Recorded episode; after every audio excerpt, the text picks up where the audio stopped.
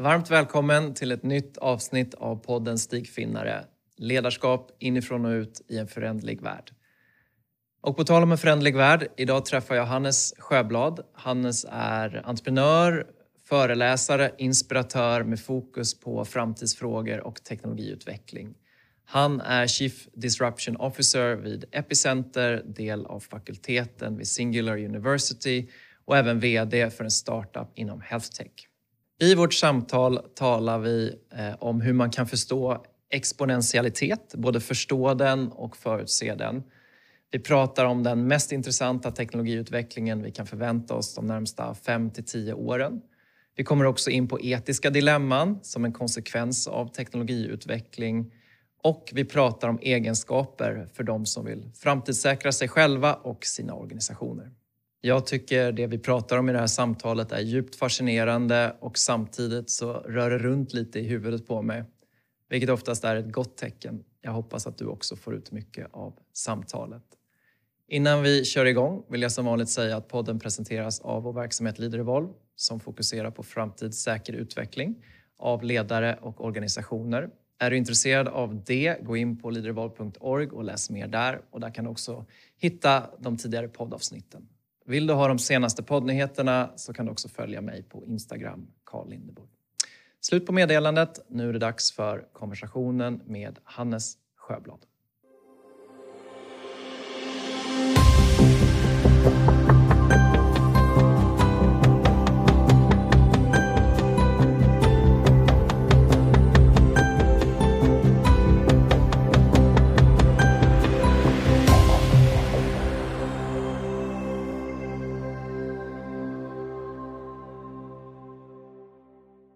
Välkommen hit, Hannes Sjöblad. Tack, jättekul. Det är superkul att ha dig här. Mm. Eh, hur känns det att komma ut på landet en solig dag som denna? Vilken fantastisk plats ni har byggt här på Eco-retreaten. Och eh, vi har ju en underbar sensommardag här utanför. Så att, eh, väldigt avkopplande och stämningsskapande. Mm. Tack. Ser verkligen fram emot det här samtalet. Och jag måste bara börja med en sak. När jag, mm. när jag gjorde lite research gick jag in mm. på din LinkedIn-profil. Mm.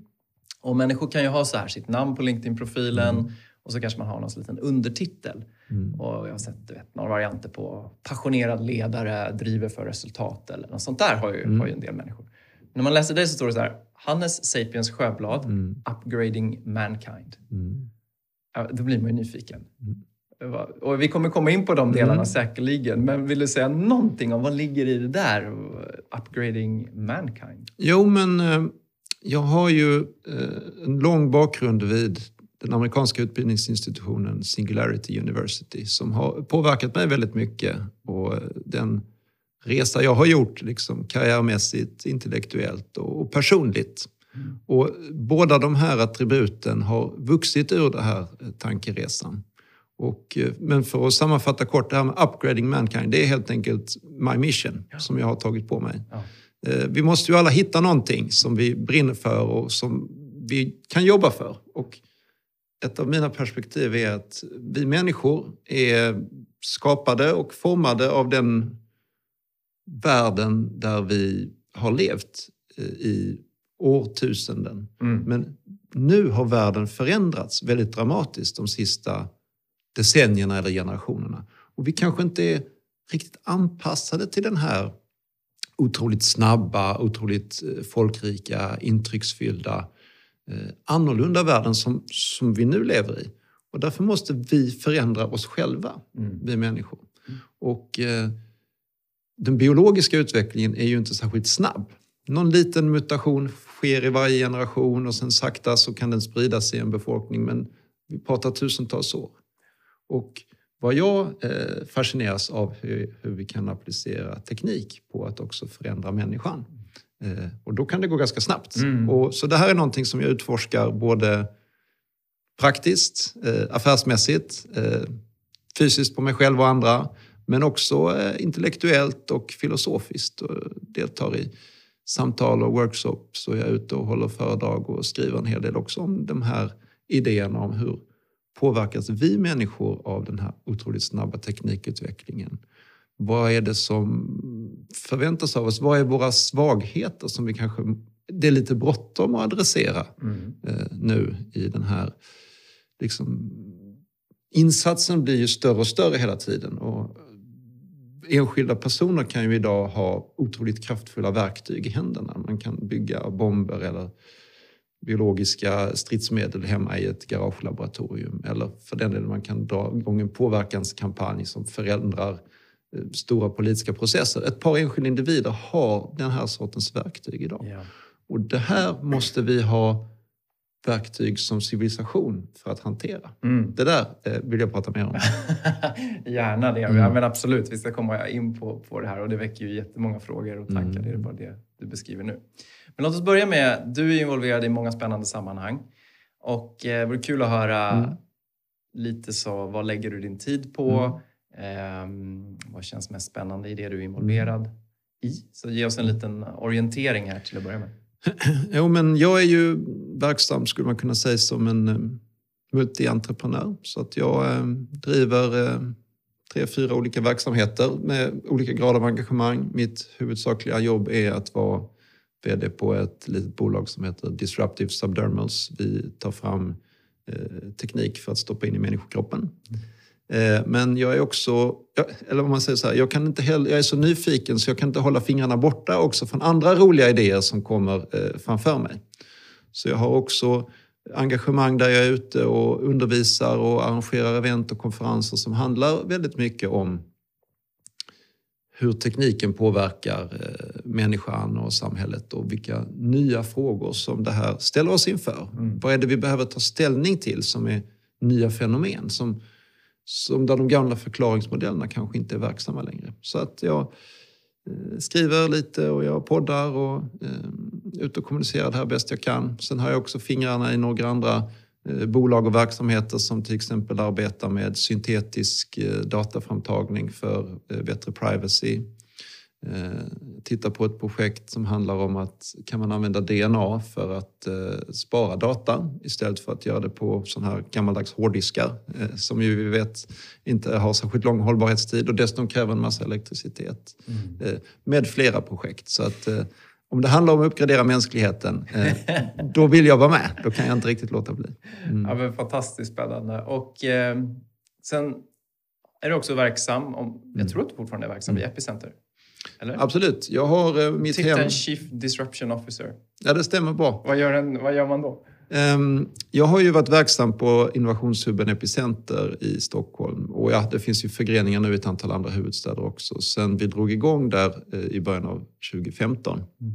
Och det är ju en fantastiskt häftig miljö där det flödar ständigt nya idéer och personer och bolag och eh, innovationsidéer. Och mitt jobb på Epicenter är att bidra till den här mixen genom att se till att alla som kommer till den här innovationshubben har koll på de senaste trenderna och eh, de nya teknikprylarna och inte bara läser i någon artikel om det utan får prova själva. Mm. Så det är ett av mina motton. För att jag vill att om man ska förstå eh, teknikutveckling då räcker det inte att lyssna på um, någon eh, snubbe med en eh, kul påhittad titel som står och kör slides eller att läsa liksom hypade artiklar i, i startup eh, digitala kanalerna.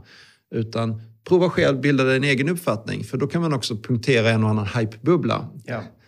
Eh, Så det är lite det jag jobbar med, att liksom ge folk en genuin förstahandsförståelse för ny teknik. Mm.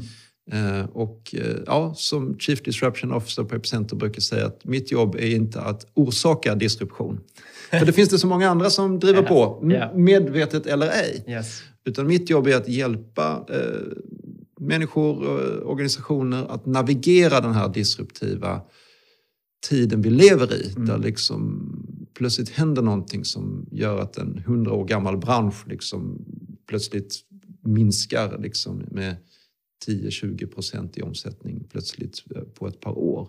Och gamla fina verksamheter plötsligt går omkull och måste omorientera sig. Och vi ser ju detta omkring oss gång på gång. Ja. Och hur ska man förstå teknikutvecklingen? Mm. Det, det kräver eh, en hel del arbete. ja, herregud ja. Det går ju så otroligt fort. Det, vi som så att säga är, är lekmän inom det här området Mm. känner ju, eller jag i alla fall Mm. personligen känner ju att så, åh, det, det, det går så fort. Så att Mm. försöker man sätta sig in i det, när man är klar Mm. med det, då, ja, då är det någon annanstans. Liksom. Mm. Så det, det är ju tror jag, viktigt för alla människor och framförallt ledare och, och organisationer Mm. att orientera sig i kontexten. Mm. Och samtidigt så är det ju både väldigt, väldigt spännande och väldigt, väldigt utmanande. Mm. Men du, innan vi kommer in på mer specifika exempel Mm. kring det du jobbar med. Eh, så det vore kul att höra lite grann om hur väcktes det här intresset? Mm. För det, man, det, det lyser ju igenom när du Mm, berättar. Det finns en mm, mm, enorm passion för de här frågorna upplever jag i dig. Och när i livet kan du gå, liksom när du tittar tillbaka, när ser du första gången att, att du tycker det är spännande med tech, framtid, Mm. förändring, distribution? Ja, men jag tror att jag har haft det i mig väldigt länge. Mm. Och jag kan nog hänföra det till, till ett- liksom ett stort intresse för till exempel science fiction och dataspel redan i eh, ungdomsåren. Liksom. Att det, var, det var det jag gillade att läsa. Det var den sortens filmer och berättelser som lockade mig. Som målade upp en framtid. Mm.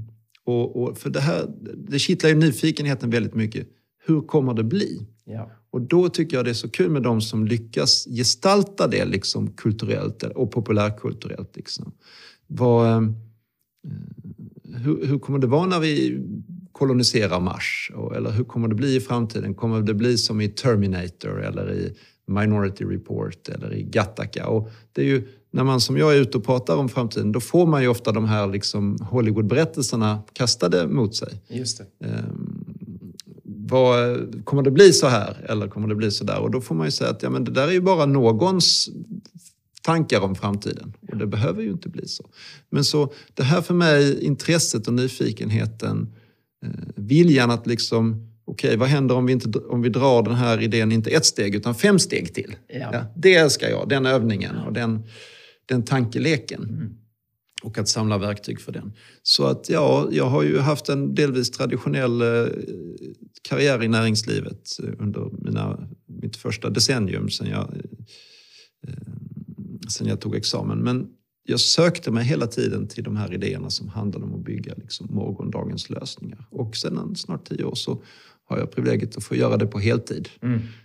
Och det är fantastiskt givande. Känner du, man tar de här tio åren, Mm. känner du att förändringstakten är accelererad Mm. mot när, om du går tillbaka tio år, mot Mm. idag? Känns det annorlunda? Om, man liksom, om vi bortser Mm. helt från sakfrågorna och vad man är i olika teknologier, men, men liksom takten eller kontexten som sådan? Jag skulle vilja säga så att för mig är det inte så mycket en känsla av att det sker som att man kan observera. Mm. Man kan titta på den här prylen, eh, ja, vi kan ta ett exempel, VR-headset. Liksom. För x år sedan så kostade de så här mycket och hade så här mycket kapacitet.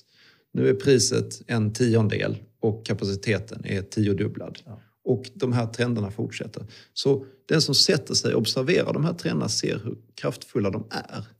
Och när någonting på bara ett par års sikt blir både tio gånger så bra och faller eh, i pris med eh, tiofalt, då kommer det att påverka saker. Mm. Då kommer det bli tillgängligt för många fler. När det kanske tidigare bara kunde finnas i forskningslabbet på ett storbolag, så plötsligt blir det tillgängligt för ett gäng startups som kan börja experimentera och hitta hundra nya lösningar där man använder den här tekniken på helt nya sätt.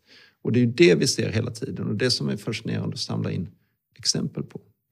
Och det, jag tänker att det du beskriver för oss kanske in på ett Mm. resonemang som jag gärna skulle ta kring det här med exponentialitet. Mm. Eh, det pratas ganska mycket om exponentialitet tycker jag. Ett eh, i- välanvänt begrepp. Väldigt mycket Mm. så. Och ute i, ute i liksom bolag Mm. som jag jobbar med så Mm. slängs den termen Mm, runt ganska mycket. Så kan vi inte börja med att bara etablera vad betyder egentligen exponentialitet? Men exponentialitet är ju, eh, vad kan man säga, en matematisk sätt att beskriva en kurva som innefattar fördubblingar i någonting. Så att eh, om vi tänker oss ett klassiskt diagram av någonting som växer linjärt, det vill säga för varje tidsenhet så går det ett steg till. Mm. Och, och det blir ett rakt fint streck, det vill säga för varje timme som går så ö- ökar vi med ett eh, steg i någonting. Och om vi då jämför med något exponentiellt så är det alltså eh, samma fenomen fast istället att det fördubblas över tid. Och för varje steg du tar så blir det två. Och den mest klassiska illustrationen av detta är ju den här gamla anekdoten med schackbrädet. Mm. Um, som, ja, alla, alla, alla lyssnare har säkert hört den hundra gånger. Men, hört, men, det var en gammal kejsare i Kina eller Indien som eh, eh, frågade sina rådgivare om de hade något som kunde underhålla honom och då var det en av dem som kom med ett schackbräde. Och eh, kejsaren blev väldigt förtjust i det. Det var så ett spel med många Eh, nyanser och, och, man kunde spela det väldigt många gånger och det var alltid nya intressanta utvecklingar. Så han kallade till sig den här rådgivaren och sa tack för att du har tagit fram det här fantastiska spelet. Eh, jag vill belöna dig. Och rådgivaren säger, eh, eller, och kejsaren säger du får önska dig, eh, säg, säg ditt pris, säg din belöning. Och rådgivaren säger ödmjukt att ja, men jag skulle vilja ha bara att man sätter ett riskorn på första rutan på schackbrädet och två riskorn på andra eh, och så fördubblar man för varje ruta. 2, 4, 8, 16. Och eh, kejsaren säger att det var en väldigt ödmjuk förfrågan.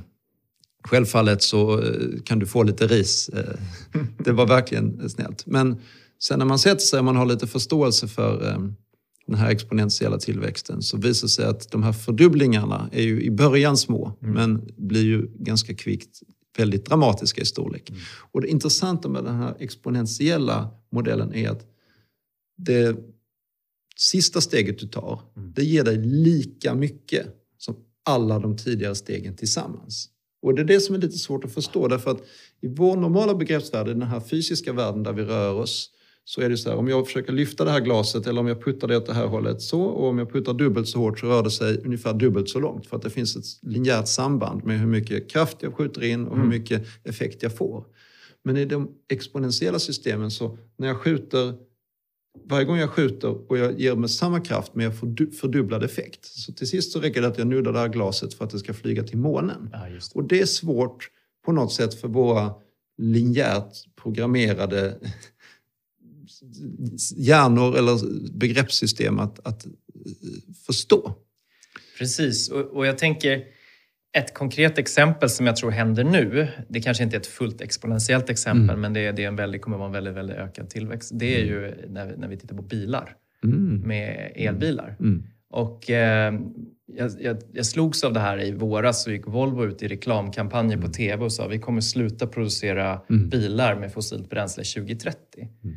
Och, och, jag tänkte det, i min värld så är det ungefär det mest uppenbara defensiva liksom, budskapet man kan skicka ut. Va? Det är klart, vem kommer köpa en, en eh, fossilt driven bil 2030? Mm. Och vem kommer vilja sälja en? Va? Mm. För att det, det, som jag tycker man anar nu är mm. ifrån, precis som du är inne på, ett riskorn blir två, mm. mm. blir fyra, händer typ nästan ingenting. Mm. Det börjar lite grann. Mm. Och sen nu är vi ju precis, tänker jag, i, i det här mm. tipping point-ögonblicket. Mm. mm. När vi kommer se en enorm tillväxt. Mm. Och då får det massor av konsekvenser. Som till exempel att när, när färre köper bensinbilar, mm. att hålla igång den produktionen och den researchen. Ja, och infrastrukturen som försörjer den med bensinmackar så. Plötsligt är de inte lönsamma. Då kommer man börja lägga ner fler mackar och då kommer ju ännu färre människor vilja skaffa bensinbil. Så det blir på något sätt självuppfyllande ja, ja, och, och självförstärkande. Det, det är så många grejer. Mm. Och, så att om Volvo hade gått ut och sagt så här, okej, okay, 2024 så kommer vi avsluta produktionen av, mm. av bilar med fossilt bränsle. Det hade varit intressant. Men att gå ut och säga 2030 om nio år, där mm. vi är precis i tipping point. Mm. Det, det, och så då undrar jag så här, mm. det är ändå, alltså, varför är det så svårt? För det har ju mm. hänt gång på gång på mm. gång på gång att vi människor, och inte minst företag och ledare, har så svårt att förutspå mm. det här. Att mm. vi vet det teoretiskt, mm. men i praktiken mm. väldigt svårt. Så frågan är, mm. varför är det så svårt mm. att se den exponentiella rörelsen hända innan den händer? Och kan man träna sig till det? Synnerligen intressant fråga. Och det är precis som du säger att gång på gång så Eh, gissar vi eller vi gör prognoser baserat på de modeller och den förståelse vi har. Mm. Och så drar man ut de här linjära kurvorna. Och det finns fantastiska berättelser från ett stort amerikanskt telekombolag som liksom för, skulle förutspå tillväxten i mobiltelefoner. Och varje år så sa de att ah, det kommer växa med ungefär 10% och sen fördubblades det det året. Men nästa år kommer det växa med 10% och så fördubblades det det året också. Så det var liksom roligt att se deras prognoser versus reality som, som gick upp så här ja. under en period. Men sen så, så, vet vi också att de här exponentiella kurvorna ofta har en S-form och så svänger de av mm. eh, vid någon tidpunkt. Eh, därför att då har man mättat något behov eller marknad eller liksom nått slutet på ett paradigm och så kommer det en ny kurva som lyfter det vidare på ett annat sätt. Um, hur ska man kunna tänka exponentiellt? Um, ja, men här finns några verktyg. Eh, jag brukar uh, se det som så här, men nyckeln är att se det här. Vi brukar prata om på Singularity University att om man tar den här linjära kurvan, hur man förväntar sig någonting, mm. och sen gör du en exponentiell kurva. Och illustrativt så är den liksom, först går den ju under den linjära. Ja, och sen plötsligt så sticker den förbi. Ja. Och då är det så att när den, på den tiden när den går under den linjära, då kan man säga att då underpresterar till exempel den här tekniken gentemot våra mm. förväntningar. Mm. Vi sitter här och säger, ja men AI, den är ju korkad. Ja, jag frågar min Alexa och den förstår mig inte. Och där är dålig teknik. Men om man studerar utvecklingen till exempel inom virtual reality eller artificiella assistenter eller eh, inom eh, smart sensorteknik så kan man se de här fördubblingarna till exempel i price performance. Liksom, att du får verkligen dubbelt så mycket för pengarna mm. och att den här trenden håller över tid. Så du kan se den här kurvan ganska tidigt i den här deceptiva fasen. Men sen när den sticker igenom, då kommer vi på något sätt till the disruptive phase. När det här liksom, tekniken plötsligt blir så kraftfull så att den ersätter den gamla. Mm. Och det har vi ju sett många exempel på på senare tid. hur um, Att trycka annonser på papper jämfört med att uh, generera dem dynamiskt på en skärm är, det är så överlägset så att det för mig är svårförståeligt att vi fortfarande ser annonser ja. på papper. Ja. Det är oklart hur det kan fortfarande pågå. Men um, um, så för mig är så här, nyckeln är att kunna titta på uh, det exponentiella trenden, för den finns där tidigt och vi ser den inom till exempel artificiell intelligens. Eller om vi ska ta mer konkret tillämpning i till exempel um, Eh, speech to text. Mm. Alltså hur, hur bra är, är datorn på att när jag pratar med dator att den faktiskt kan göra det till korrekt svenska mm. eller engelska och vice versa. Och där har vi sett en fantastisk kvalitetsförbättring. Ja. Men folk blir ändå besvikna. De tycker att eftersom ja. det inte är helt perfekt. Så man lurar sig av ja, den Man här, lurar sig, den här, den här deceptiva. Ja. Och, men sen plötsligt så blir det oh shit istället. Ja, ja, och, och då är, är det nya fenomenet. Alltså nyc, nyckeln är att se den där trenden i god tid och det finns ofta siffror för att visa på det. Ja, ja. Att, det, att just mm. att, att studera mm. Just, är, är det fördubbling vi pratar om mm. eller är det 10 mm. förbättring? Vilket är en enorm skillnad. Då. Sen har vi ju, man kan ju titta på baksidan av det där också och det är ju att eh, vi har ju, vi som startar te teknikbolag och är ute och presenterar dem för investerare och andra intresserade. Vi beskylls ju ibland för att använda oss av den så kallade hockeyklubban. Att titta, just nu är försäljningen men sen jäklar kommer det sticka iväg. Så att det finns ju det där, en, kanske en sund skepsis också mot de här alltför eh, djärva tillväxtkurvorna. Då. Eh, men jag menar att ja. vi har blivit bättre på att argumentera för att när vi ser den här sortens fenomen. Mm. För det är klart, och det kanske är det svåra i det här, att mm. det finns ju såklart trender och, mm. och, rörelser och teknologier som faktiskt aldrig blev någonting riktigt. Eller som, Gott om sådana. Eller vi är fortfarande besvikna. Ja. Men att det kanske kommer. Ja. Jag menar, elbilar har ju egentligen... De första bilarna var elbilar. Alltså ja. för hundra år sedan. Ja. Sen kom bensinmotor, förbränningsmotorsystemet och blev bättre och mm. etablerade sig som ett dominerande paradigm. Nu är det på väg att ta slut och dess slut kan kanske gå snabbare än vissa säger. För när de säger så här, ja vi kommer fortsätta producera till 2030. Jag tror att ett sånt budskap ska ses, för, i alla fall för mig som, är, som älskar att följa den här sorts tekniken. Jag tror att de säger det för att hålla folk lugna. Just det. Ja. Ja, det Investerare och aktieägare, ja men det är bara sluta ja. inte producera. Nej. Just in case. Ja, för annars är det... Och, och precis, ska mm. vi sälja någon, någon bensinbil nästa mm. år så kan vi inte säga att vi ska sluta året efter det. Exakt. För för då kommer folk sluta. Vet, ja. Ja. Men sen kanske de ändå lite diskret visar sig att det fasas ut 2024 mm. därför att det helt enkelt är en underlägsen lösning. Ja, mm. absolut. Mm. Ja, men det tror jag det ligger i mm. någonting också. Mm. Ehm, mm. Vad spännande. Men låt oss dra en koppling då. Men när, vi kommer ju ändå av naturen, mm. vi människor och vi är beroende av naturen. Hur skulle du säga, för, för, vissa saker tänker jag i naturen är ju ganska, upplever jag i alla fall, linjära. Jag är ju skogsägare till exempel. Mm, mm, Skogen växer några procent om året. Exakt, eh, ganska förutsägbart lyckligtvis. Rätt förutsägbart. Ja. Man kan kanske genom hur man sköter sin skog pressa någon pressa procent. upp och ner någon procent. Mm. Men det är relativt stabilt. Mm. Eh, och det är klart, det finns ju andra saker, många andra saker i naturen som är mm. liknande och i oss människor också. Eh, första frågan då. Mm.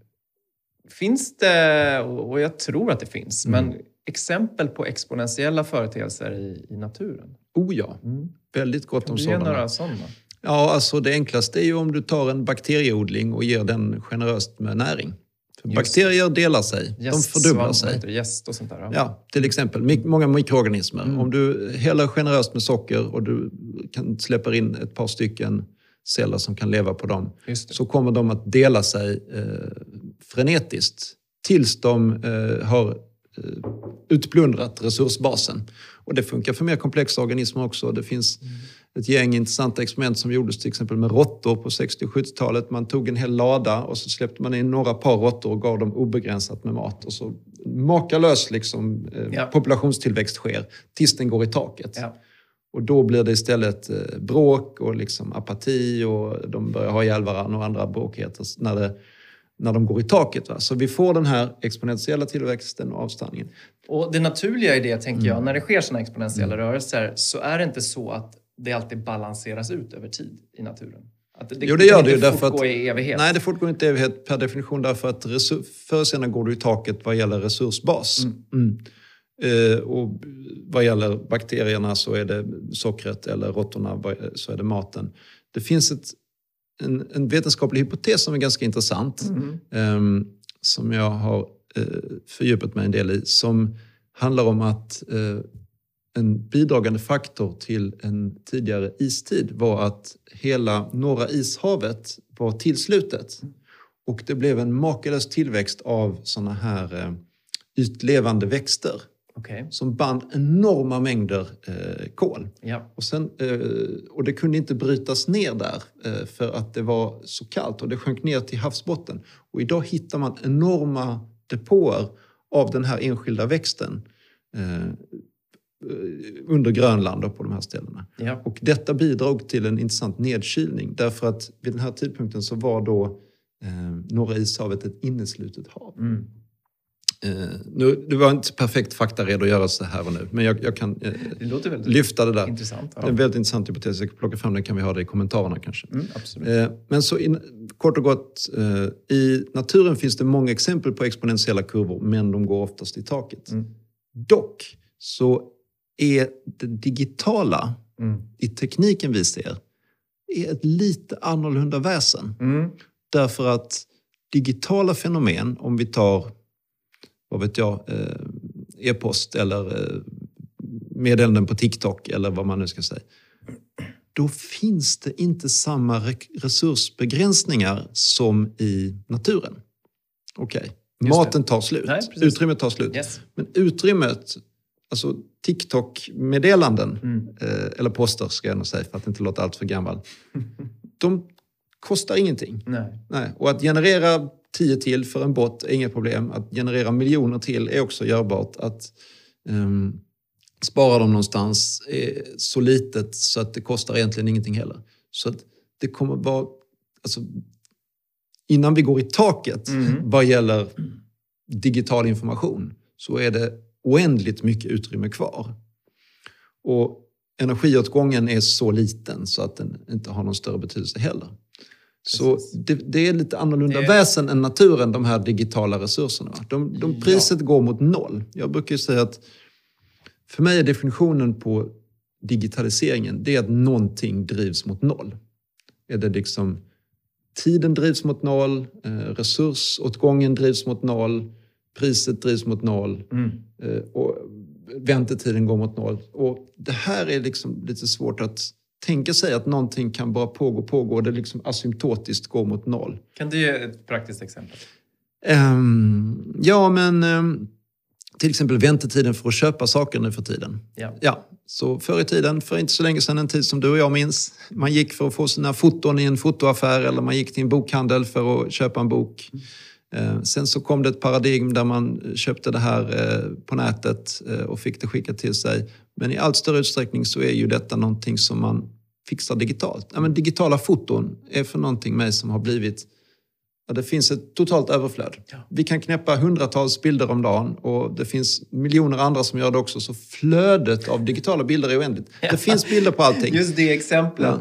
Ja. ja, jag, jag brukar, vi brukar prata om det en del i min familj. Liksom. Mm. Det här med, var, det, var det bättre att man på semester Mm. tog 50 bilder, liksom, två rullar, Mm. och så, så var det de bilderna man hade? Ja, det var det. Eller, eller Mm. är det bättre att man tog 1500 bilder Mm. som vi eh, Mm. och jag Mm. inte orkar processa? Mm. Och bara, ah, vi lägger dem någonstans. Exakt. Jag vet inte. Men det, det här är en fas vi befinner oss i, men Ja. så småningom tror jag att det här kommer ju vara, det är liksom en härlig domän för den här digitala arkeologin som vi kommer ägna oss åt om några år. Och nu vill jag göra en sammanfattning av de här åren när barnen var små. Mm. Och då skickar man in en liten algoritm. Ja, det finns ju faktiskt redan i våra mobiltelefoner som plockar fram dina bästa minnen från förra sommaren. Och, så där. och så plockar den de snyggaste bilderna och blandar lite teman och motiv och så. Eh, och så du, behöver inte oroa dig, din databas med tiotusentals foton, det kommer liksom att eh, Ja, det kommer komma en schysst liten bot som kan ge dig den perfekta storybyggnaden av dem där. Ja, vad intressant. Mm. Eh, det som slår mig då att jag tycker det är jättespännande att man, man ser exponentialitet i naturen men det kappas Mm. ofta av någonting. Olika typer av resurserna tar slut eller någon annan kraft kommer in och, och Mm. begränsar. Och, i, och det är annorlunda säger du i det digitala till exempel att det inte finns en naturlig cap. Så. Ser du... För jag, jag tänker människor har ju inte satt igång exponentiella skeenden, i alla fall inte medvetet, men liksom sprida sjukdomar och så vidare. Men medvetet på samma sätt som, som, som vi gör idag, Mm. om man tittar evolutionärt. Jag tror att vi har det, bara det att det har varit deceptive. Är du med? Ja. Så om du tittar på väldigt långa kurvor Mm. så ser vi de här fördubblingarna över tid. Ja, ja, du Och, men nu är vi i den exponentiella... Alltså, Mm. Du kan dra tillbaks till exempel mm, ja, men när vi började skriva. Ja, Det här var ju förstadiet till digitala medier när sumererna började med kilskrift på sina lerplattor som vi coolt nog kan läsa än idag. Ja, jag Eh, ser vad du är på ja. väg och det sker en fördubbling. Ja, det sker liksom en fördubbling och så har vi liksom papyrus och sen har vi romerska stentavlor och sen har vi Gutenberg-tryckpressen och sen har vi liksom eh, industrialisering av tidningar på papper och sen har vi digitala medier. Du kan dra den där kurvan så att eh, de här köpmännen som sålde sina koppartackor i eh, Ur och Babylon eh, och kommunicerade på de här lertavlorna. Det var liksom, om vi- kan hitta mått i liksom informationsutbyte per tidsenhet och så kan vi liksom försöka uppskatta de här Så utvecklingskurvorna. skillnaden, det är ju intressant, så skillnaden är egentligen att, tid, att takten är, ser annorlunda ut, att tidsaspekten ser annorlunda ut. Inte att vi inte skapade exponentiella skeenden. Nej, fröna såddes tidigt. Mm, Och ehm, det finns andra aspekter. Som jag, det som jag menar liksom är bakomliggande drivande faktorer i detta är ju också människans förmåga till energiutvinning. Någonstans är det ju energi, alltså kalorier eller joule eller vad man nu vill mäta det i. Ja, Den mängd energi som vi disponerar som en civilisation kan man säga. Mm. Den har vi ju ökat i tillväxt på ett väldigt dramatiskt sätt genom att vi kopplar in mer och mer saker som Mm. genererar energi. Första tiden det var bara våra egna armar liksom som lyfte och bar de här vattenhinkarna och sen så hade man kanske någon åsna eller kamel eller något liknande. Och sen så byggde vi mekaniska mackapärer eller ja, romarnas och grekernas slavekonomier till exempel. Va, och, ehm, men sen så visst, ångmaskin, kol, eh, bensin, el, solenergi, kärnkraft. Så vi, det är också en väldigt intressant exponentiell kurva. Mängden energi vi har kunnat disponera per person. Mm. Mm. Och ett kul mått på detta är till exempel eh, belysning. Något som vi i vår tid tar för givet. Det är, jag trycker på en knapp och så, har jag, så flödar ljus. Mm. Men, eh, och det var någon som hade räknat ut det här att idag för att jag ska kunna köpa el som kan lysa upp ett rum i ett år så behöver jag jobba tre minuter. Medan om du var en eh, bonde eh, på, eh, återigen i, i det gamla Babylonien, då behövde du för att liksom odla den här oljan, linfröoljan, som du behövde krossa för att kunna ha i din oljelampa för Just att kunna lysa. Det var eh, ett års arbete Ja. för att lysa upp under ungefär en veckas tid. Så vi ser skillnaden Ja. i hur vi, vi har blivit så mycket bättre på att utvinna energi. Och det är också det som möjliggör den här exponentiella utvecklingen och att vi kan lansera alla de här nya idéerna, nya teknikerna. Och samtidigt som vi får tillgång till mer och mer energi så uppfinner vi också hela tiden lösningar som drar mindre och mindre energi. Så vi får mer pang för pengarna. Ja, men det är ju fascinerande. eh, Och jag tänker på de här eh, utväxlingarna nu då, och, och kanske också relationen mellan naturens sätt att göra det och vårat, eller det digitala sättet. Ser du någon risk att, vi, att det slår tillbaka? Eller liksom, I en del av de här filmerna som du säkert studerat så finns det ju de här dystopiska versionerna där eh, av olika sätt så havererar, att det blir för mycket acceleration och, och, och det havererar av olika skäl. Och, och, och jag vet att till exempel Yuval Noah Harari som är en, en, en, en tänkare som har skrev Sapiens. Alltså när jag lyssnar på någon podd med honom och då säger han att det finns ju tre stora hot för mänskligheten som han såg det. Klimathotet, risken för kärnvapenkrig som han för övrigt bedömde var större än någonsin. Eh, och den tredje var artificiell intelligens, att det, att det går oss ur händerna. Så. Hur, hur tänker du kring det som är så involverad i... Nej, men jag, jag är helt eh, införstådd med att liksom, risken för att vi skjuter oss själva totalt i sank Ja, är större än någonsin. ja du Just håller nu- med om det? Ja. Vi lever i en makalös brytningstid just nu. Därför att eh, vi, har aldrig haft, vi har aldrig varit rikare, vi har aldrig haft mer resurser, vi har all, aldrig haft så många duktiga, utbildade personer. Eh, och som vi sa här tidigare, att en enskild person idag kan ju eh, ha otroligt kraftfulla verktyg. Mm. Ett par 20-åringar i en källare kan starta ett projekt som ett par år senare någon annan köper för miljarder. Just det. Eh, Och samtidigt så har vi de här stora globala riskerna som vi liksom forskningsmässigt är egentligen ett ganska nytt fenomen. Ja. Eh, Att folk studerar systematiskt. Eh, Det har kanske gjorts ordentligt bara det sista decenniet. Det finns som tur är en del fantastiska institutioner som jag följer nära som jobbar just med de här frågorna. Jag tänker framförallt på The Future of Humanity Institute i Oxford som är en fantastisk institution där det finns duktiga forskare som just gräver i de vad vi kallar för existentiella risker eller globala risker och försöker bedöma sannolikheten. Och Yuval Harari nämner ju några i sitt exempel, men det finns ju absolut fler. Just det. Eh, Men man kan kategorisera dem lite som han har gjort. Vi har de eh, miljömässiga eller naturliga katastroferna eh, som ju är en, en sorts hot. Men det innefattar ju också till exempel att det kommer en asteroid och smackar ner i, på jordytan och, och ställer till det rätt mycket. Eller enorma vulkanutbrott skulle också kunna eh, förmörka jorden och kyla ner och omöjliggöra jordbruk och så som vi känner. Och, det där har ju hänt i vår planets historia eh, vid tidigare tillfällen. Just det. Och sen har vi de mänskliga konflikterna och där återigen kärnvapen sprids till fler eh, länder, biologiska vapen sprids till fler.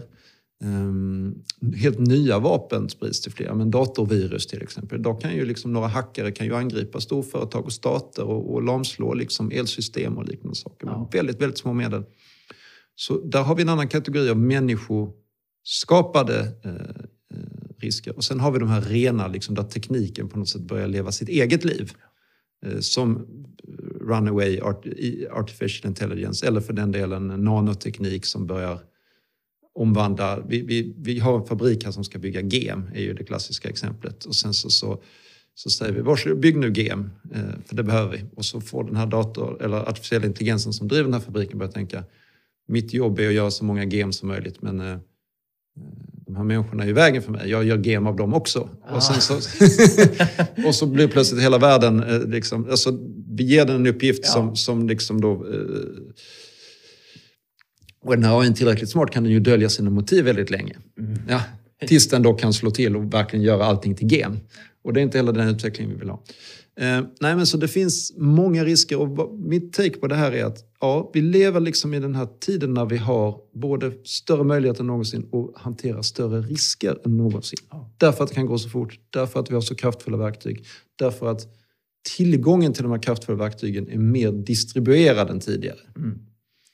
Eh, när det kanske, att göra kärnvapen var någonting, ja, kärnvapen är lite speciellt, det är fortfarande ganska svårt att göra kärnvapen. Men låt oss säga att eh, biologiska vapen. Eh, från att ha varit någonting som stora eh, världsmakter gjorde i hemliga laboratorier så är det faktiskt möjligt för ganska små grupper att ta fram sådana här idag. Um, och hur ska vi hantera det? Jo, då menar jag att vi behöver ha en vi behöver uppgradera oss själva på vissa sätt. Både institutionellt och där finns, eh, jag glömde säga, den fantastiska Global Challenges Foundation som är en annan Stockholmsbaserad institution som skriver om sådana här globala risker ja. och hur vi ska bemöta dem. Eh, jag träffade Jens Orback som är ordförande där för en intervju eh, tidigare i våras. Det är en fantastiskt viktig institution som jobbar på att förklara det här och hur vi ska hantera de här. Och i Global Challenges Foundation så angriper de problemet med att vi måste ha andra modeller för vår global governance. Alltså hur samarbetar stater och Just nationer? Just det, för vi har helt föråldrat sätt ja, att samarbeta. Vi har gamla institutioner. Det blir mm. bevis på det mm. senast, senast idag när, när man eh, diskuterade Afghanistan och, ja. och tog beslut kring det. Vi lever i en annan tid när andra länder med andra agendor, precis. men vi måste ju samarbeta för mm. att eh, falla rätt ett stort land här på den här planeten så drabbar det oss alla. Liksom. Mm. Det är ju paradoxen tycker jag, nu rör vi oss lite kanske från mm. exakta ämnet, men alla de liksom, utmaningar som vi tar upp här mm. nu, vare sig de är miljömässiga eller handlar om eh, relationen mellan människor eller teknologin, mm. kräver ju mer, mer dialog, mer samverkan på ett globalt plan än mm. någonsin tidigare. Mm mer förståelse för varandra, mer mm. fokus på helheten och inte det mm. individuella. Och samtidigt har vi de här eh, nationalistiska tendenserna på många platser där mm. man eh, liksom drar sig ur samarbeten, mm. man vill maximera den egna nyttan. Mm. Eh, kanske kommer lite från ämnet, men å andra sidan är det också relevant. Mm. Vad, vad tänker du kring, ja, det? Jag menar att vi människor är vad vi är. Vi är vi är bräckliga, du vet, vi har alla goda intentioner och sen så lyckas vi inte alltid leva upp till dem. Mm. Och någonstans så är det ju vår natur, alltså våra, våra drifter som på något sätt präglar våra val, eller hur? Att vi är liksom programmerade för någonstans, vår art har ju levt väldigt många år av vår utveckling i kanske i savann, på savannen eller på stenåldern under primitiva omständigheter. Du kunde inte lita på det. kom någon från en annan dal och såg lite annorlunda ut och pratade på annorlunda sätt. Vad var de ute efter? Kanske bäst att slå dem i skallen till att börja med.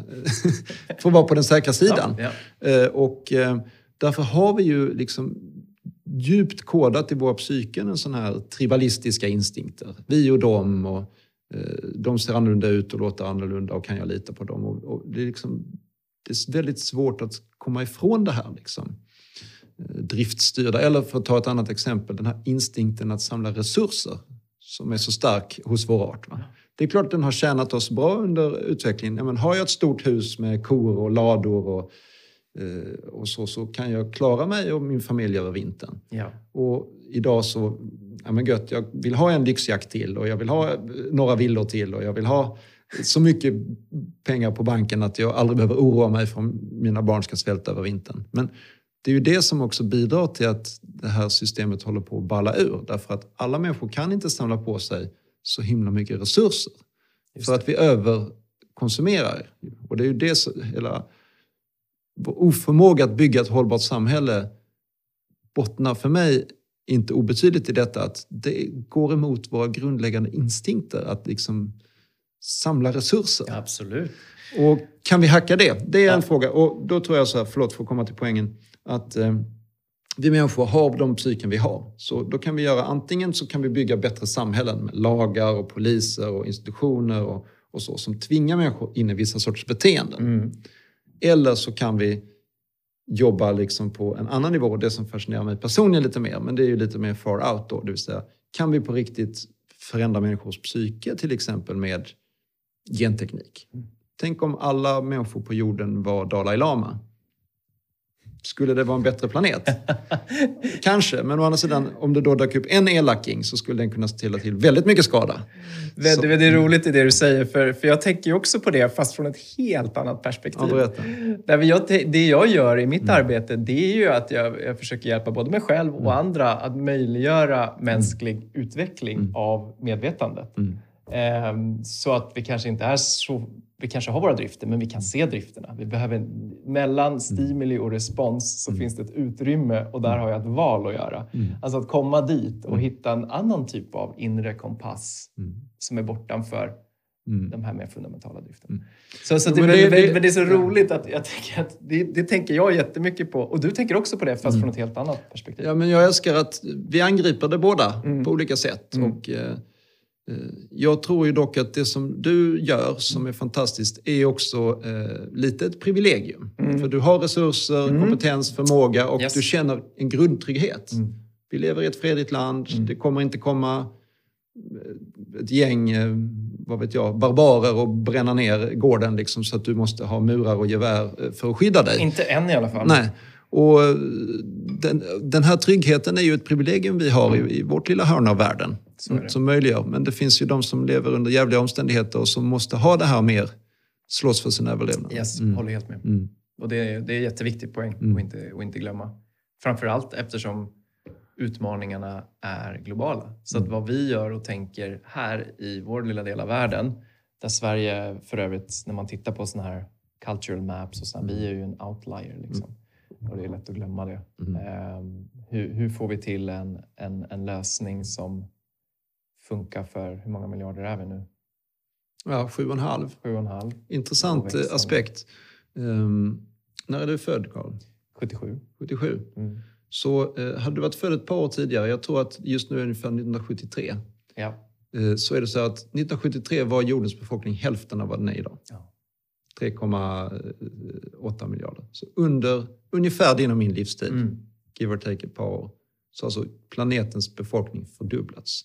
Där har vi ett exponentiellt exempel. Mm, det vill säga, på en generation Ja. så har vi nu sett en fördubbling. Ja. Precis så. Ja. Dock så verkar ju nu den här kurvan vara i avmattning. Vi ser fallande födelsetal i väldigt många länder världen över. Men vi har haft ett, en ex, ett exponentiellt skeende Exakt, under en sådan fas. Ja. Och nu ser vi tecken på avmattning och vi ser ju också att vi har tänt den här planetens resurser eh, längre än vad den långsiktigt kan klara. Mm. Eh, så nu gäller det att vi liksom ska se den befolkning vi har men också försöka mätta, anpassa munnen efter matsäcken lite grann. Mm.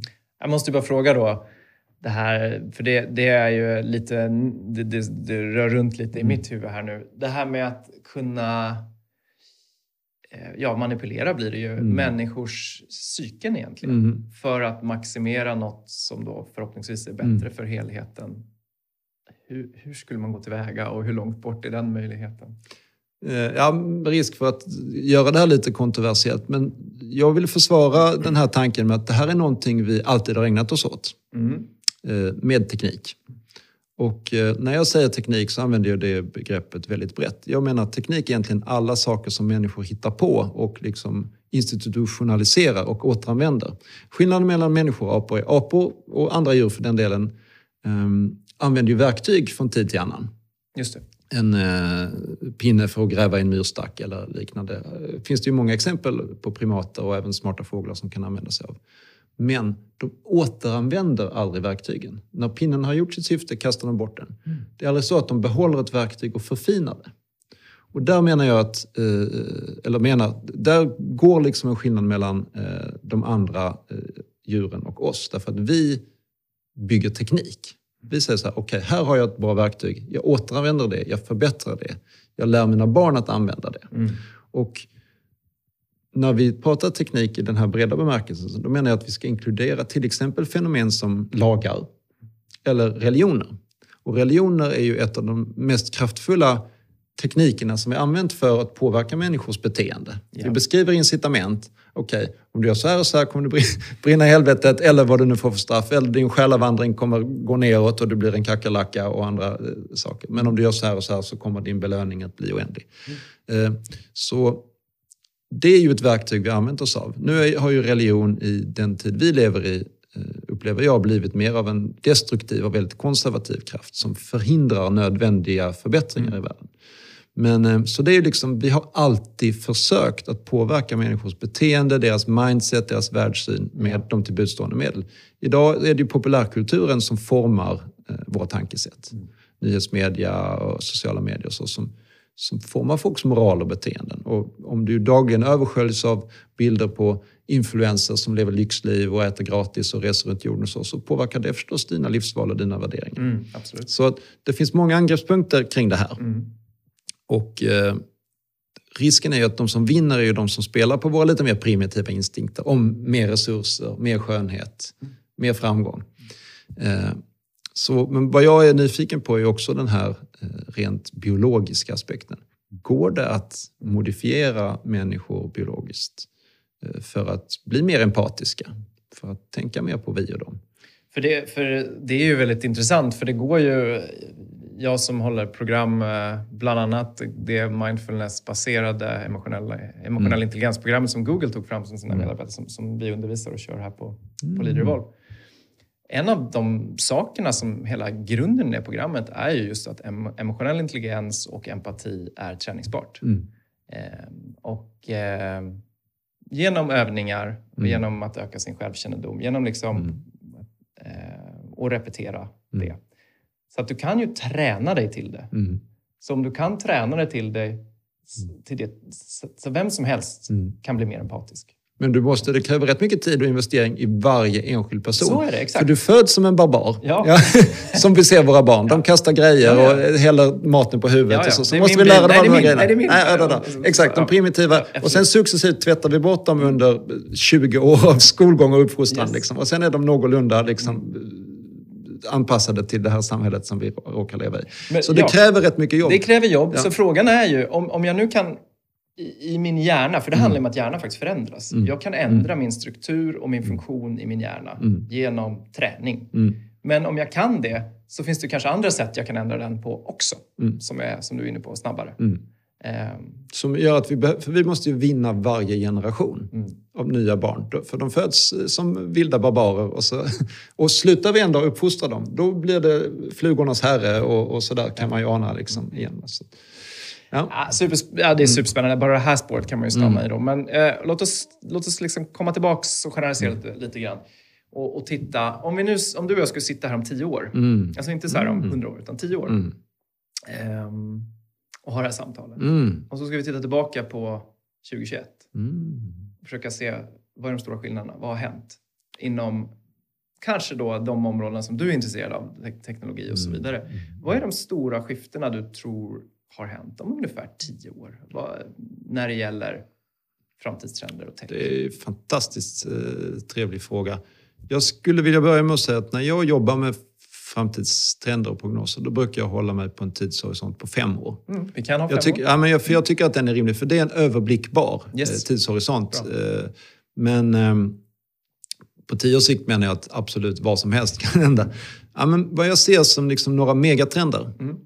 Och jag håller ju på med många olika teknikområden som jag intresserar mig för och som jag gräver i och som jag praktiserar i. Och allt ifrån eh, drönare till, och blockchain och eh, virtual reality och augmented reality och eh, med mera. Men för mig finns det två eh, teknikområden som på något sätt är mer djupgående i sin betydelse än andra. Som verkligen för, kommer förändra världen. Mm. Eh, och det är å ena sidan då eh, maskininlärning och artificiell intelligens. För att den växer i förmåga på väldigt dramatiska sätt och på riktigt kan göra väldigt, väldigt många uppgifter som du och jag eh, tillbringar våra dagar med att lösa i, en ganska nära framtid. Den kommer förändra hur vi jobbar, hur vi kommunicerar, hur vi umgås, hur vi arbetar, hur vi producerar. Och vi kommer kunna automatisera otroligt mycket av vårt arbete med hjälp av sådana här smarta system. Mm. Um, så, Vad är någon sån här, kan du ge något konkret exempel på, som, utifrån det du målar upp där som du tror ja, men många av, ser framför dig? Ja, det finns ju de vi ser idag. Där, om vi kan hålla oss i den nära horisonten så ett exempel jag vill ta är ju till exempel översättning mellan språk. Ja. Mm. Som idag är väldigt bra. Du har Google Translate och andra liknande system som kan översätta enorma texter från mellan, inte bara då engelska till franska och stora språk utan från eh, eh, något udda eh, litet språk. Från georgiska till isländska liksom, som pratas av liksom, några hundratusen personer. Med makalös precision och kvalitet. Mm. Och det finns ju fortfarande människor som jobbar som översättare och visst, vi kommer kanske behöva dem för poesi eller för avancerad skönlitteratur, men för de allra flesta sorters texter så, eh, så kan systemet göra det idag. Och vad kostar det att översätta liksom 100 sidor text på Google Translate? Nej, Det kostar dig noll. Ingenting. Det kostar ingenting. Det är en helt makalöst. Det här för mig är ett illustrativt exempel på att de här systemen är så kapabla och de kostar dig som användare ingenting att använda. Och för liksom 30 år sedan hade du fått betala en person för att göra en översättning från svenska till engelska av 100 sidor text. Men jag känner ju en person som driver ett bolag som Mm. översätter bruksanvisningar. Den är...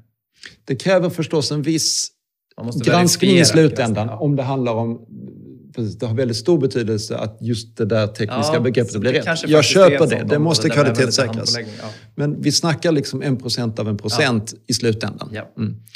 Och jag menar att det här paradigmet utsträcker sig till en massa, massa andra servicesituationer. Ja, men, eh, callcenters eh, och alla typer av konsultationer. Jag tror till exempel att eh, psykologisk konsultation, coaching och sådär, det, det här kan vi göra med sofistikerade eh, bottar ganska snart. Väldigt, Du väldigt väl. tror det? Alltså, Ja. Även liksom att förstå, verkligen förstå människor på djupet? Ja, men kanske inte förstå, men du, alltså, nu ska jag inte tala illa om psykologyrket, men en, en inte oväsentlig aspekt handlar om att lyssna och låta eh, den som pratar liksom också hitta sina egna sanningar genom att ställa rätta frågor vid rätt tidpunkt och sådana Absolut. saker.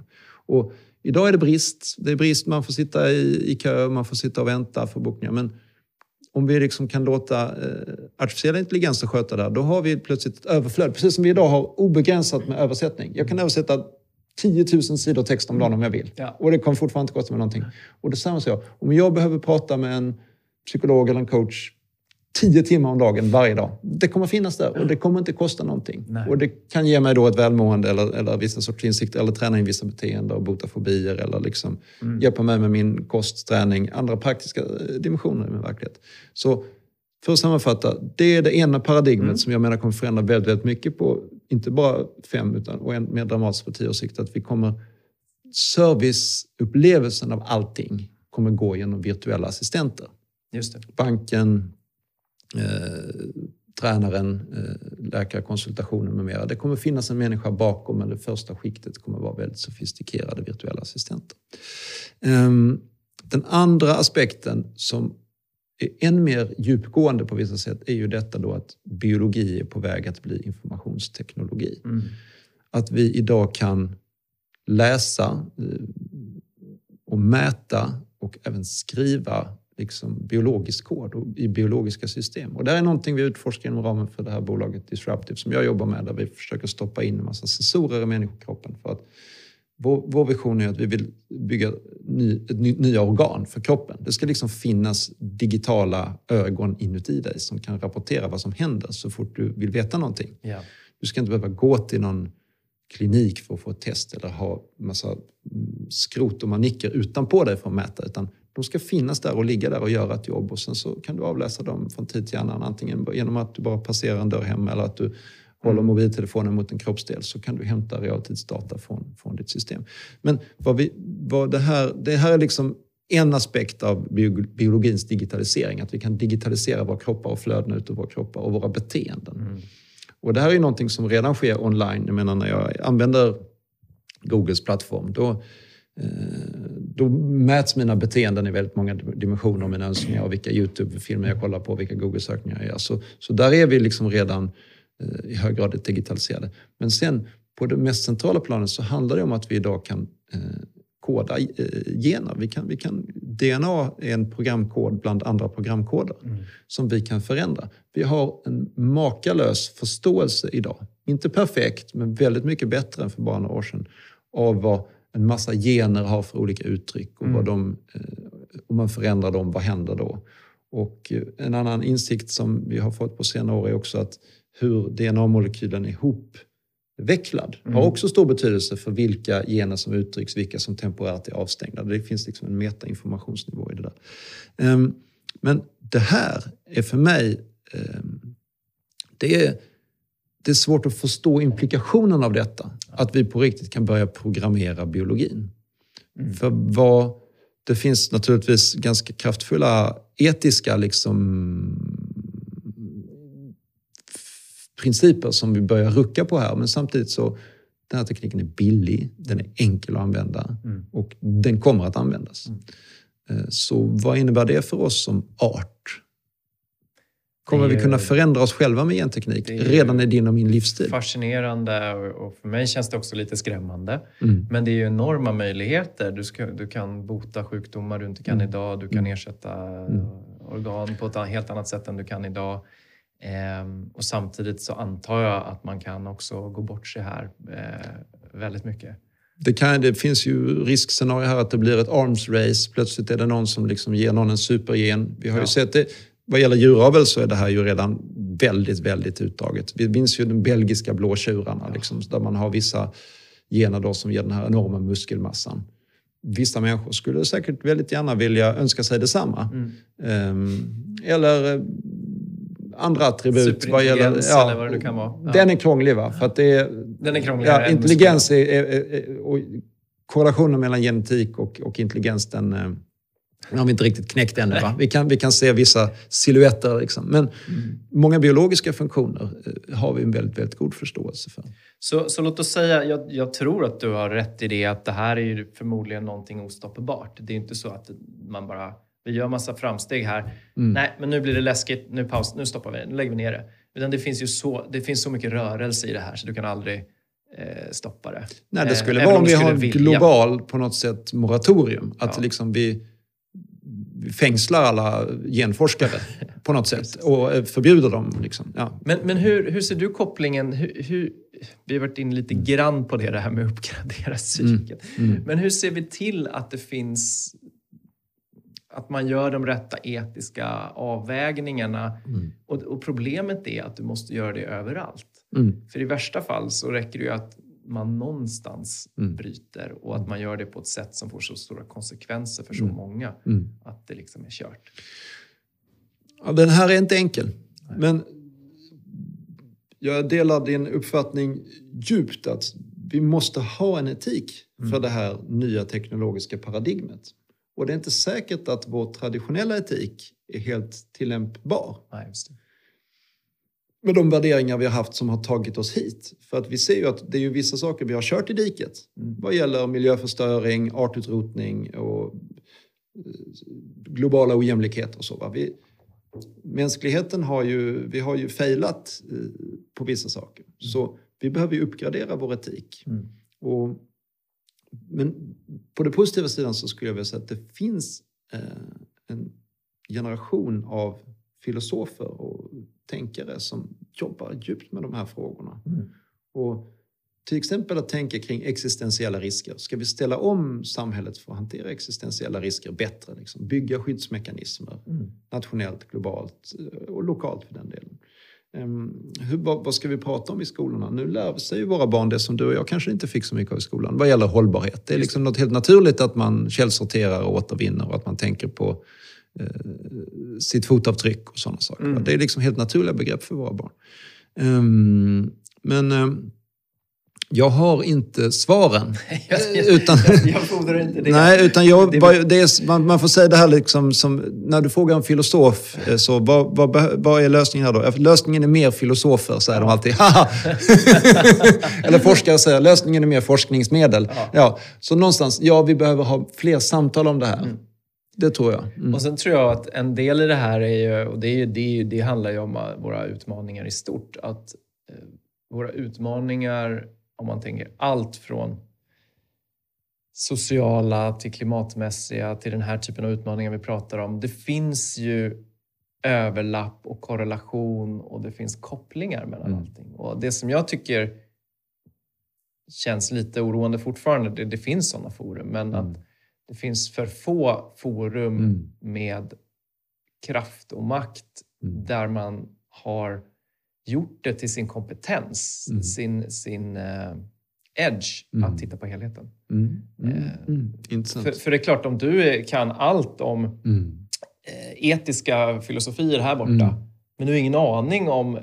Du, du, du, du är inte alls uppkopplad kring var teknologiutvecklingen är till Mm. exempel. Eller att du är, du är bara i teknologin och aldrig någonsin funderat över etik. Mm. Eller, plan, du vet. Mm. Och, och, och det, så på något vis tänker jag att det kräver av oss att vi blir lite renässansmänniskor. Mm. Att vi tränar oss att hela tiden hålla de här multipla perspektiven, mm. väga mot varandra. Mm. Och, och det är ju komplext.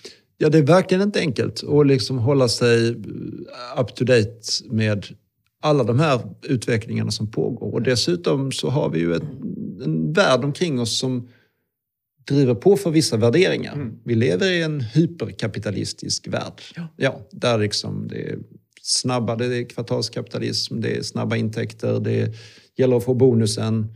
Mm. Det gäller att leva det där goda livet. Och vi ser att det här gungar båten. Ja. Men det funkar därför att det spelar på de här urinstinkterna vi har. Mm.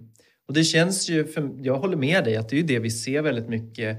Eh, och inte minst eh, i, i de nya ekonomierna som mm. kommer. Mm. Eh, och så känns det ju samtidigt på ett plan lite old school. Liksom, mm. Att vi, vi har varit där, vi har gjort det. Och mm. det verkar inte som mer av det kommer öka liksom, den, den kollektiva tillfredsställelsen. Människor bränner ut sig. Mm. Jag läste på CNN här för ett par dagar sedan en artikel om den här rörelsen i Asien bland mm. unga professionals som uh, lying flat. Liksom. Mm. Det, är bara, det är bara ett rat race och folk mm. fordras att, jobba mer än någonsin de här 9-9-6. Du, du, ja, du ska jobba från 9 på morgonen till 9 på kvällen sex dagar i mm. veckan. Mm. Och det finns ingen meningsfullhet. Och, och, då, och då tänker jag att Ja, så att allt det där pågår samt mm. där, där det finns väldigt lite reflektion över, mm. över helheten eller de mm. etiska aspekterna eller vad som mm. egentligen är livskvalitet. Mm. Och sen har du teknologierna som är parallellt. Så det, mm. det är ju och teknologin som både befriar men också oroar. Absolut. För visst, den kan ju möjliggöra en ökad Verkligen. produktivitet och ökad frihet och mer meningsfull. Jag menar, vi har ju tillgången till högkvalitetsinformation mm. är ju makalös. Ja. Och jag har ett, ett, exempel som jag brukar tycka om att ta. Att idag kan ju vem som helst kan plugga på Harvard. De lägger ut alla, eller inte riktigt alla, men många av sina kurser alldeles gratis. Ja. Och du kan vara en fattig person i ett utvecklingsland, men har du bara tillgång till en uppkoppling, då kan du gå plugga på världens elituniversitet. Eller i alla fall få tillgång till precis den informationen. Ja. Så våra förutsättningar för att göra makalösa ting har aldrig varit bättre. Nej. Det, det är, också, det är mm. så coolt. Och jag brukar ju tänka det att eh, jag tror jag sagt det i podden någon gång också, att jag skulle ju aldrig vilja leva i någon annan tid än nu. Jag skulle möjligen vara framtiden. Men det, det är precis som du säger. Mm. Eh, jag tror du var inne på det med någon vinkling, att det, det, är ju... Å ena sidan så går saker och ting snabbare och snabbare och mm. möjligheterna blir större och större. Å andra sidan är ju liksom nersidan mm. också, mm. eh, accelererar också. Mm. Och ja, på det sättet är det otroligt spännande. Men mm. för att liksom börja, eh, inte runda av på minuten, mm. men det jag tänkte vi skulle kunna prata om lite den sista delen, det är ju lite grann om man nu känner att man på något vis vill eh, vara en person mm. som eh, kan bidra till att framtidssäkra mm. sig själv, sitt företag mm. kanske, mm. den community man är en del av. Och liksom dra nytta av möjligheterna mm. samtidigt som man verkar för att balansera riskerna. Mm.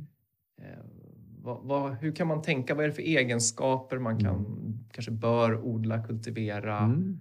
Eh, vad vill du skicka med för råd och perspektiv? Kul. Ja, men jag skulle vilja säga så här att jag tror att den kanske mest värdefulla egenskapen i det tidevarv som vi lever i, mm. med de här snabba förändringarna, det ständigt nya paradigm som händer, och när nu uppdaterar de eh, mitt operativsystem igen, nu måste jag lära mig att hitta det igen. Att naturtillståndet nu är ständig förändring. Ja. Att man köper det som ett paradigm med sitt mindset och bibehåller nyfikenheten. Mm. För det är enda sättet att kunna hantera. För att, ja, att sätta sig in i den här nya frågan också. Att, man, att odla det här att jag måste vara nyfiken på de här nya... För någonstans så ger man upp. Eh, när det blir liksom ytterligare... Till exempel, ja, vi är väl, när man passerar 40 så har man inte längre koll på den senaste populärmusiken. Nej. Nej vilka band som heter just det här året. Man ja. trodde ju det när man var yngre, att man skulle uppdatera. Att det var jävligt viktigt. Så, så, jo, men det är också... Bara, nej, nej, nej, jag orkar inte. Men vad gäller de här sakerna som faktiskt förändrar vårt sätt att arbeta, vårt sätt att leva, vårt samhälle. Mm. Då finns det inte ett alternativ, menar jag, till att man är öppen för dem. Och vi pratar liksom om the digital divide, det vill säga de som har tillgång till digitala verktyg eller eh, inte. Men jag brukar vilja beskriva the digital divide också som en mindset-aspekt. Det vill säga, på ena sidan klyftan har vi de som eh, fattar det nya, som accepterar att det kommer nya saker hela tiden och som är öppna för att sätta sig in i dem. Och på andra sidan klyftan har vi alla de som av en eller annan inte orkar eller ger upp eller inte pallar. Ja. Och säger, nej, jag orkar inte skaffa mig den här nya appen eller uppdateringen utan jag, jag gör motstånd eller jag vägrar. Och så, så. Och vad jag ser som en samhällsutmaning är att vi måste hjälpa den här gruppen över. Mm. För att det går inte att, att stanna i det gamla. Man, man, man, förlorar för många värden. Och till din fråga som är vad behöver man ha för egenskaper? Då menar jag att nyfikenheten mm. är det mest centrala. För att klara att hantera det här eh, förändringstakten som vi ser. Men också eh, nyfikenheten då inte bara på prylar utan också på de här värderingsfrågorna som följer omkring. Just det. Och där måste man ha de här diskussionerna. Men vad betyder egentligen genteknik eller artificiell intelligens eller virtuella assistenter för oss som samhälle eller som eh, företag? Då måste man ha en, för det första en förförståelse av den här teknikens mm. förmågor. Mm. Hur kraftfull är den? Mm. Vad kan den på riktigt göra? Och sen en diskussion, vill vi använda den till det här? Och erfarenheten visar ju att de flesta av oss har ju good intentions. Och Facebook är ju ett roligt exempel att ta. Och titta, de har ändå lyckats koppla ihop mm. vad det nu är, en och en halv miljard människor i ett enda nätverk. Och känner du till den här gamla the, the law of six steps som alla människor på jorden ja. känner varandra? Yes. Eh, och det, här, ehm, det var ju en eh, psykolog som beskrev det här på, på 40-talet. Att the six degrees of separation eh, gäller mellan alla människor på jorden. Vet du att den är nere i tre nu?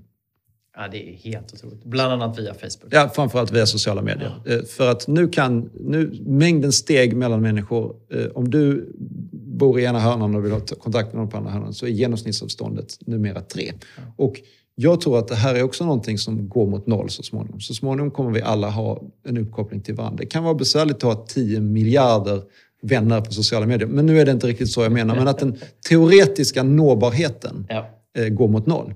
Det, det är så det är. Um, så nyfikenhet, eh, att kunna Ja, Fördjupa sig i de etiska aspekterna. Det tror jag är viktigt. Och nu skulle jag också komma till poängen med Facebook, förlåt. Mm, förlåt ja, men det var, jag, jag förvirrade mig i mitt exempel om degrees of separation. Mm. Det, syftet med det var att beskriva att Facebook har gjort någonting makalöst och häftigt. Mm. Men sen har vi också sett att Facebook då har använts för desinformation.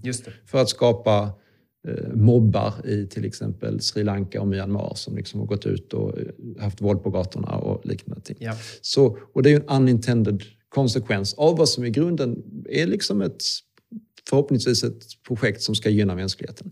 Och det är lite det jag menar med de här etiska samtalen. Eh, vi måste förstå konsekvenserna av tekniken. Ja. Det är lätt att vi är stjärnögda och säger Wow, kolla, eh, det här kommer fixa allt och nu kommer det här problemet försvinna.